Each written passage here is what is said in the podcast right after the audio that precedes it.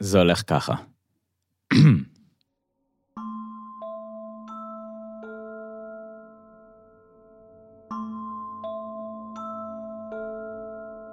זהו סיפורם של שני סטודנטים ממורמרים לקולנוע.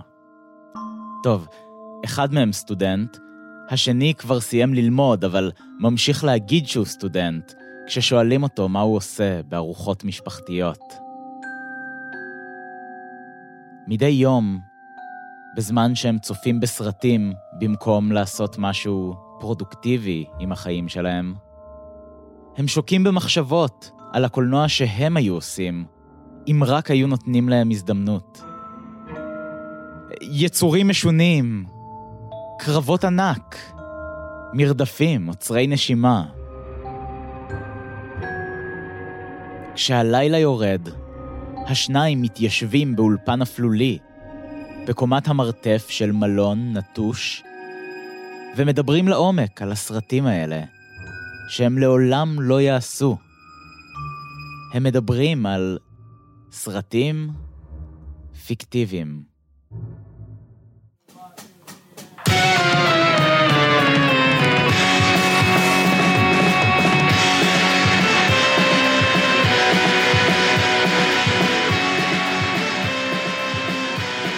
שלום, ברוכים הבאים לסרטים פיקטיביים, הפודקאסט שמוקדש לסרטים שלעולם לא נעשה.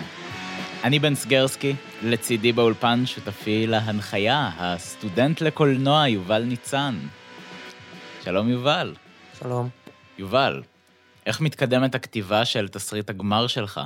אתמול אה, הייתי עייף בזמן היום, אז עשיתי שנץ, ואז כשהתעוררתי מהשנץ, אז הייתי מותש מהשנץ, אז עשיתי עוד שנץ, ואז כשהתעוררתי מהשנץ השני, אז כבר נגמר היום, אז הלכתי לישון. נשמע הדרך הנכונה. להציף את התת-מודע. כן, התהליך היצירתי. בפודקאסט הזה אנחנו הולכים מדי פרק להמציא סרטים ישראליים שלא קיימים. סרטים שהיינו רוצים לראות או שהיינו רוצים לעשות, ואז אנחנו הולכים לפתח אותם ביחד. בדרך כלל הסרטים האלה שנדבר עליהם יהיו בז'אנרים שלדעתנו הם פחות נפוצים בקולנוע הישראלי. נניח יש פחות סרטי גיבורי על, או סרטי אימה, או סרטי מדע בדיוני. אה, אלה ז'אנרים שאנחנו מאוד אוהבים, אה, והם חסרים לנו בנוף. למשל, היום אנחנו הולכים לדבר על דיסטופיות. אנחנו הולכים להמציא שני סרטי מדע בדיוני דיסטופיים. עכשיו, אה, כדי שכולנו ניישר קו לגבי מה זה דיסטופיות, יש לנו פינה שנקראת יובל ניצן מסביר ז'אנרים לצלילי מוזיקת סטוק של יוקללי.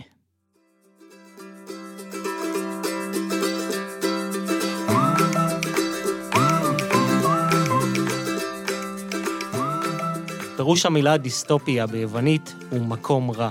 סרטים דיסטופיים עוסקים בעולמות, לרוב עתידניים, שהם מפחידים, לא רצויים ובכלליות פחות טובים מהמצב הנוכחי. אפשר לחלק סרטים דיסטופיים לשתי קבוצות רחבות. סרטים שבהם החברה נמצאת תחת משטר טוטליטרי אכזרי וחובק כול, כמו למשל משחקי הרעב, וסרטים שבהם חוקי החברה קרסו וכל אדם לעצמו, כמו למשל מקס הזוהם. שני סוגי הסרטים האלו הם במובן מסוים ההפך הגמור אחד מהשני, אך הדבר שמשותף לשניהם הוא שהמצב ממש ממש חרא.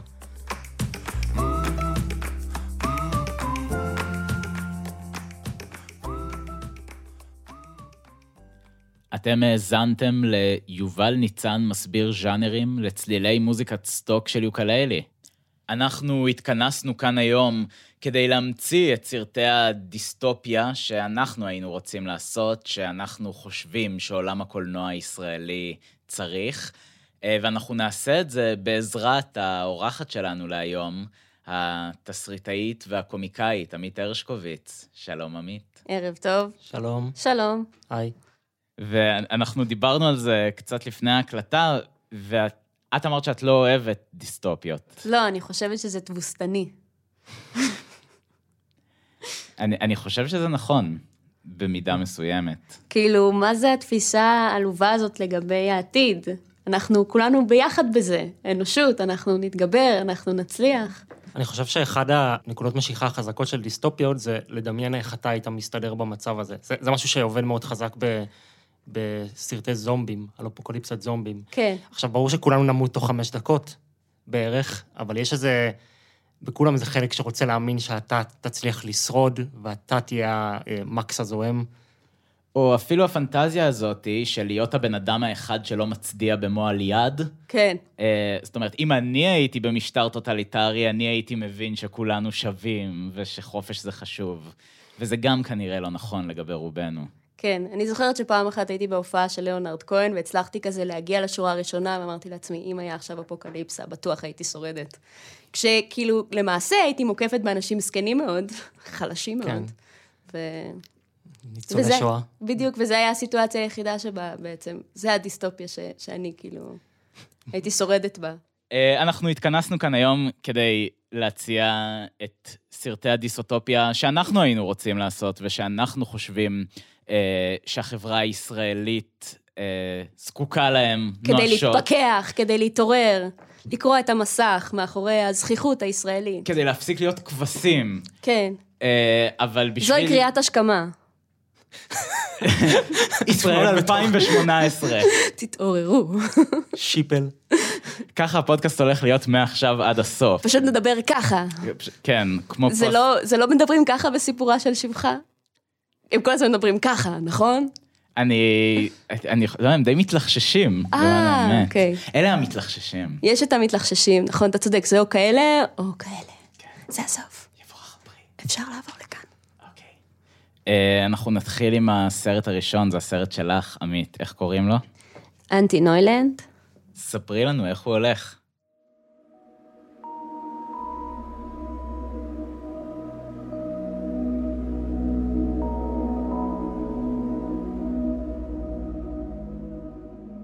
ישראל, 2034, העתיד הלא רחוק. לכל בן אדם יש משרד פרסום משלו. כל האינטראקציות האנושיות הפכו להיות סטארט-אפ. רק לעובדי הייטק יש רישיון לאופניים, ויש כל כך הרבה פקקים, שאנשים נפרדו מעיקריהם בפקק תנועה, ולא שבו להתראות איתם לעולם. גבע אלון, ישראלי ציוני, חם ואוהב, טייס לשעבר סלאש זמר אינדי, נקלע לחובות. הוא מנסה לעשות קמפיין למען שני ישראלים שנאבדו בחו"ל, קמפיין שנראה בטוח, אבל מקבל אפס שיתופים בפייסבוק, ואפילו לא אייטם אחד אצל יעל דן. הוא מתחיל להבין שמשהו מסריח בממלכה, וייתכן שישראלים איבדו את הרגש שלהם. אותו היתרון היחסי שעלול גם להשפיע על היצירתיות שלנו בהייטק. הוא מגלה שהממשלה יודעת שזה המצב כבר הרבה זמן, ולא מתכננת לעשות כלום.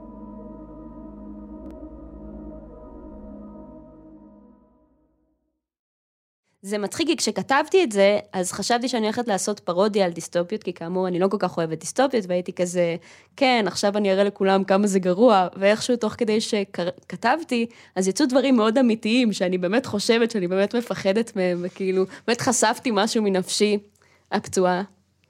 זה- זה חוכמה קונבנציונלית, מה שאני הולך להגיד. אבל זה עידן שבו כולנו הופכים להיות הפרסומאים של עצמנו ואנשי השיווק של עצמנו, אה, וכל אחד מתחזק איזושהי פרסונה וירטואלית, ואתה חייב להיות הרבה יותר מודע ל... אמ, איך שאתה נתפס על ידי אנשים אחרים. אני משלימה משפטים של אנשים. את מודעת לאיך שאת אני נתפסת. מודעת לאיך שאני נתפסת. אז הרבה מהכיף בדיסטופיה זה אמ, לראות את אורח החיים אה, שהוא נורמלי עבור האזרחים, שכולו מעוצב לפי האג'נדה, ופה האג'נדה היא שיווק עצמי אובססיבי. כן. אמ, אז מסקרן אותי איך שגרת החיים הזאת נראית. מה חיי היומיום של אה, אנשים אה, בישראל אה, 2034. אז אה, קודם כל יש הרבה מאוד ג'ינגלים. אני חושבת שהיום מתחיל עם ג'ינגל של מדינת ישראל, שאותו חיבר ראש הממשלה של מדינת ישראל. הסיסמה היא We the best country, הוא המציא. ולדעתי, כאילו, השיר ששמענו מקודם, המוזיקת סטוק מנדולינה, ממש מתאימה ל... כאילו, ל, ל, לסאונד הכללי שאנשים בישראל אה, מסתובבים איתו, כי זה באמת נשמע כמו פרסומת לאיזשהו מכשיר, אה, לאיזשהו גאדג'ט, כאילו, כללי.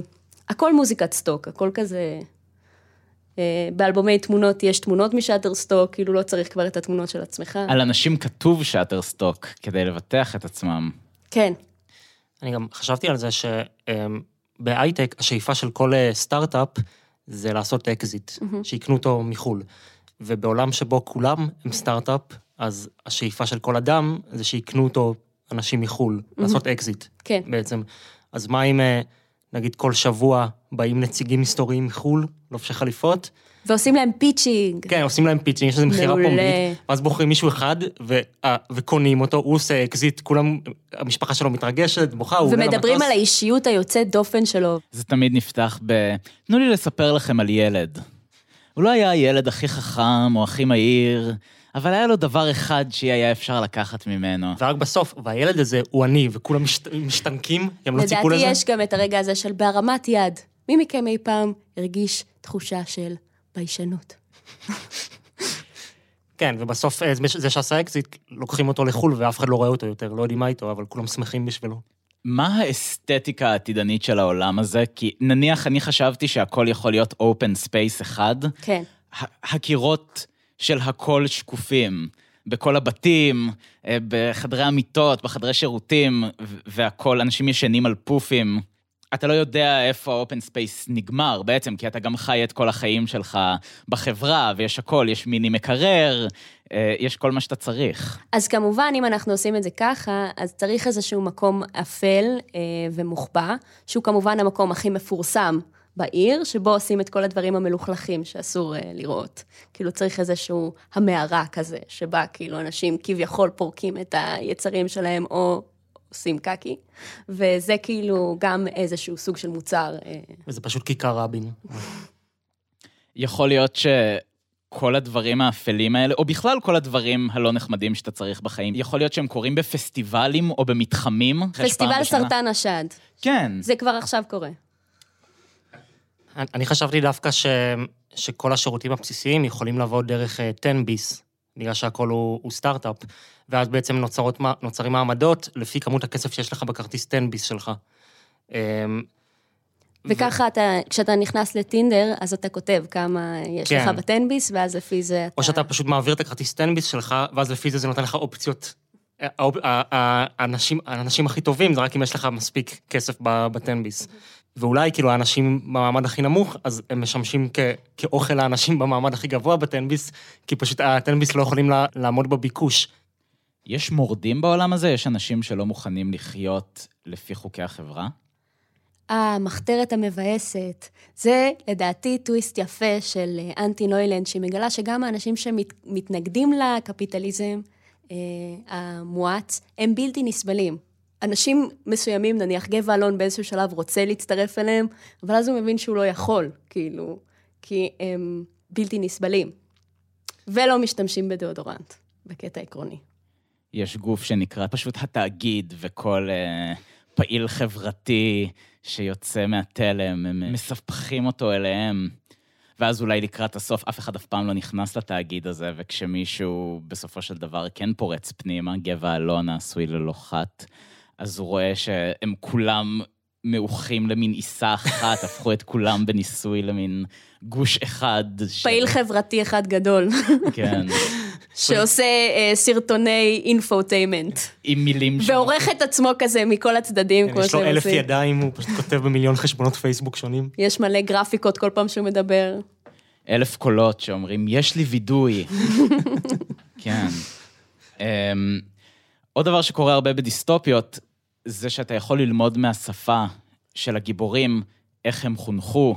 Uh, נניח במקס הזוהם, שהם קוראים לחיים שלהם חצי חיים.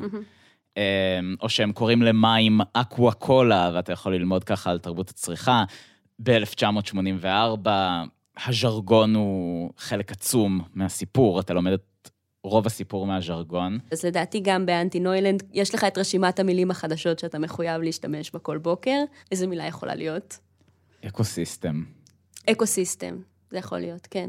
ואני חושבת שיש סצנה יפה שבה רואים את גבע אלון מתאמן מול המראה, כאילו, אה, ואז הוא משתמש בה לא נכון במהלך, ה, אה, במהלך היום, והבחורה שהוא מתחיל איתה אה, פוסלת אותו על בסיס זה. אגב, אני רוצה לומר לך משהו, חשיפה, עוד וידוי. לפני כמה זמן ב memories שלי בפייסבוק, ראיתי שב-2010 פשוט כתבתי בסטטוס את המילה ecosystem, וזהו. פשוט ככה. כאילו באמת אני מרגישה שהפיצ'ר הזה של ה memories נועד כדי להשפיל אותי, להעליב אותי ולהזכיר לי כמה מטומטמת הייתי בעבר. אני מאמינה שיהיו גם מוצרים כאלה בדיסטופיה שלנו.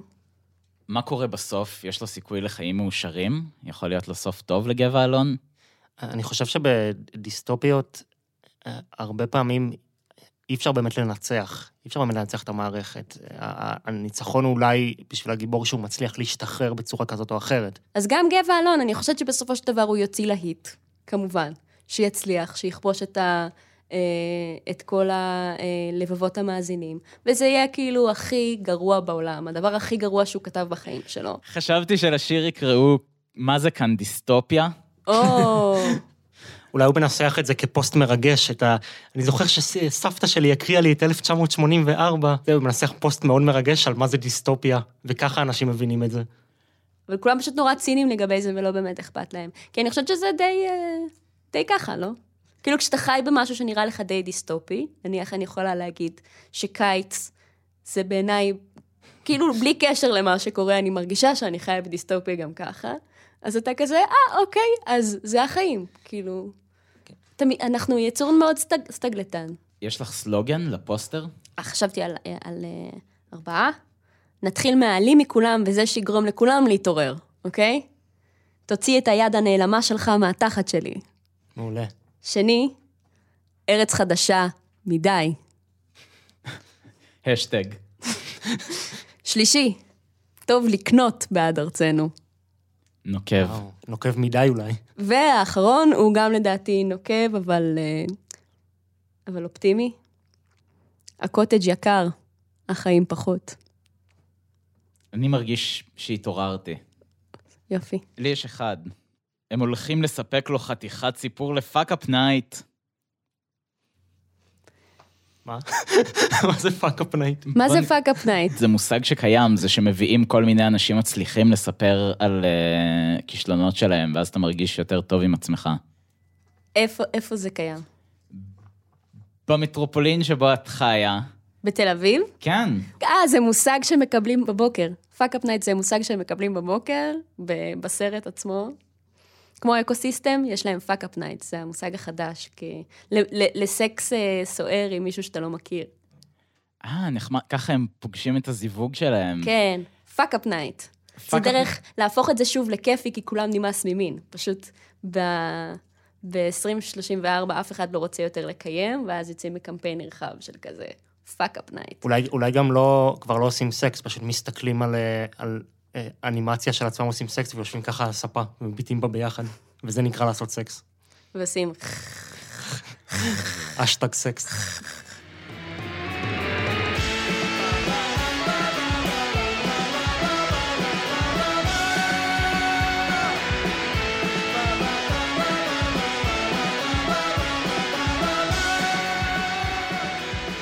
טוב, בוא נעבור לסרט שלך, יובל. איך קוראים לסרט שלך? לסרט שלי קוראים עיר מקלט, והוא הולך ככה.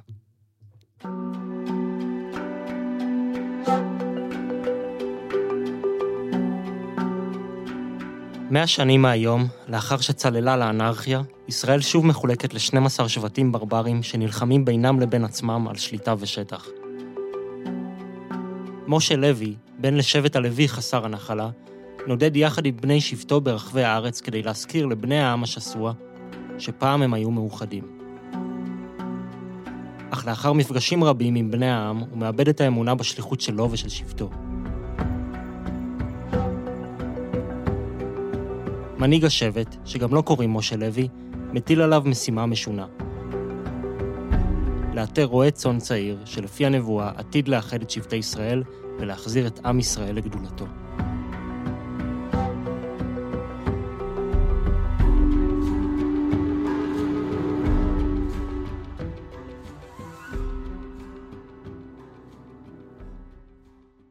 אני סקרן איך נראית שגרת החיים של אה, חיים בשבטים עתידניים.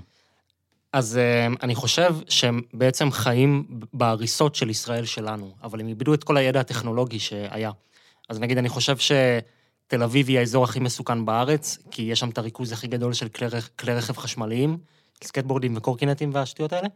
הם יודעים בגדול, אה, נניח, שהיינו מעצמה ושיש נשקים וזה, אבל הם לא יודעים מה לעשות איתם, אז אולי הם אה, משליכים אה, רובי תבור עם אה, רוגטקות, הם פשוט משליכים אותם אחד על השני, כי הם יודעים שזה נשק, אבל הם לא יודעים מה הוא עושה. הם חושבים שכזה שואב אבק דייסון זה ויברטור. אולי רועה צאן, הוא בכלל לא רואה, רואה עדר של אה, איי רובוטים, הוא לא יודע מה זה, מה זה צאן.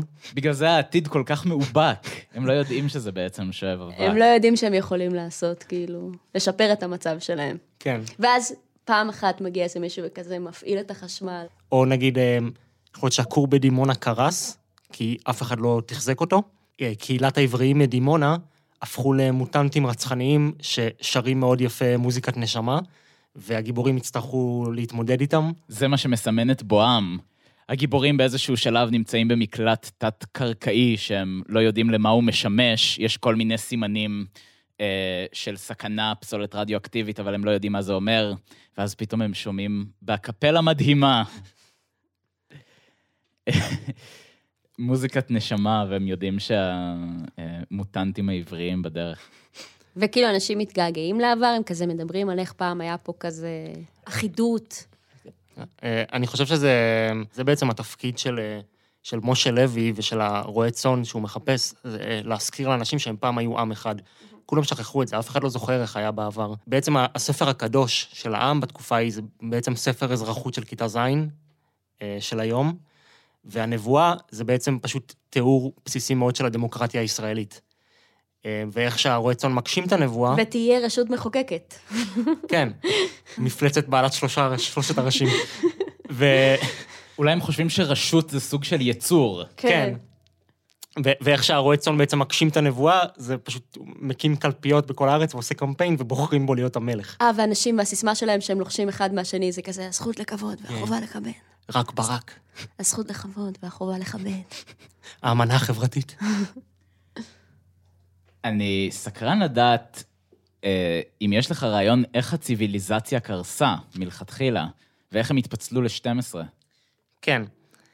אמ, בעצם, אה, בעתיד המאוד לא רחוק, בעוד כמה שנים, אז אה, מקדוניה פתאום מחליפה את ישראל כבירת ההייטק העולמית, אה, לאחר שמדענים מקדונים ממציאים תחליפ, תחליפים טובים יותר לעגבניות שרי ולטפטפות, ולאחר שהשחקנית המקדונית אה, גלינה גדותחובה מלוהקת לתפקיד וונדר וומן, בעצם אין לישראל יותר מה להציע לעולם, והמשק הישראלי קורס, והממשלה מתפרקת, ו- והמדינה צוללת לאנרכיה. והסרט מתרחש 100 שנים לאחר מכן, ובמהלך המאה שנים האלה, אז בזמן שכל בן אדם הוא כל אדם לעצמו, אז אנשים אה, נמשכים בצורה טבעית לאנשים שדומים להם, וזה יוצא שהם נמשכים לאנשים שהם בני המזל שלהם, בצורה טבעית. נגיד אומרים שבני מזל סרטן אה, מאוד אוהבים את המשפחה שלהם, אז כל האנשים שמאוד אוהבים את המשפחה שלהם מתאגדים ביחד. ואומרים אומרים שבני מזל בתולה מאוד מסודרים, אז כל האנשים שהם מאוד מסודרים מתאגדים ביחד, וככה בצורה טבעית אנשים מתאגדים ל-12 ל-12 שבטים. אני מרגישה המזלות. שאתה מתאר חלום. זה אוטופיה כן, למעשה. אוטופיה. כולם מסודרים לפי מזלות, כולם מאמינים באסטרולוגיה, זה כבר טוב. כן, רק ש... שהם לקחו על עצמם את, ה... את השמות של אה, 12 השבטים אה, מהתנ"ך, כי בחיים לא נשתחרר מהדברים האלה. מההתניה התרבותית הזאת. וזה קורה כמובן בשבט מזל בתולה, שמאוד אוהבים סדר. הם מאוד אוהבים סדר. זה כן. נכון. אתה הם- מזל בתולה? אני מזל בתולה. תראה, לא רואים עליך. זה, זה, זה אף פעם לא מי, ש... מי שחושבים, מזל בתולה. המאפיין של מזל בתולה, הם תמיד מפתיעים. האמת היא שזה ממש נכון, זה מדויק לגמרי, זה באמת אף פעם לא מי שחושבים. במקס הזוהם, אתה אה, חייב לגלות מה המזל שלך עכשיו, בן. אני מזל הקרב. זה, זה ברור. כן, אתם, כן, אני מזל קשת, ואני באמת חושבת שמלחמה נוקבת מדם בין כל השבטים שלנו. הקשת משתמשים בחץ וקשת, והבתולה משתמשים ב... בטבעת, אה, טבעת הימנעות מיחסי מין הזאת שיש להם בארצות הברית. בחגורת צניעות. אה, וואי, כן, חגורת, אה, ובביונסה, שירים של ביונסה. כן. ה- עם המזל מזל בתולה המוצלחת המפורסמת המוצלחת מכולם. ביותר.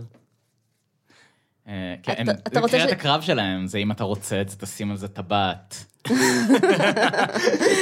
לגמרי.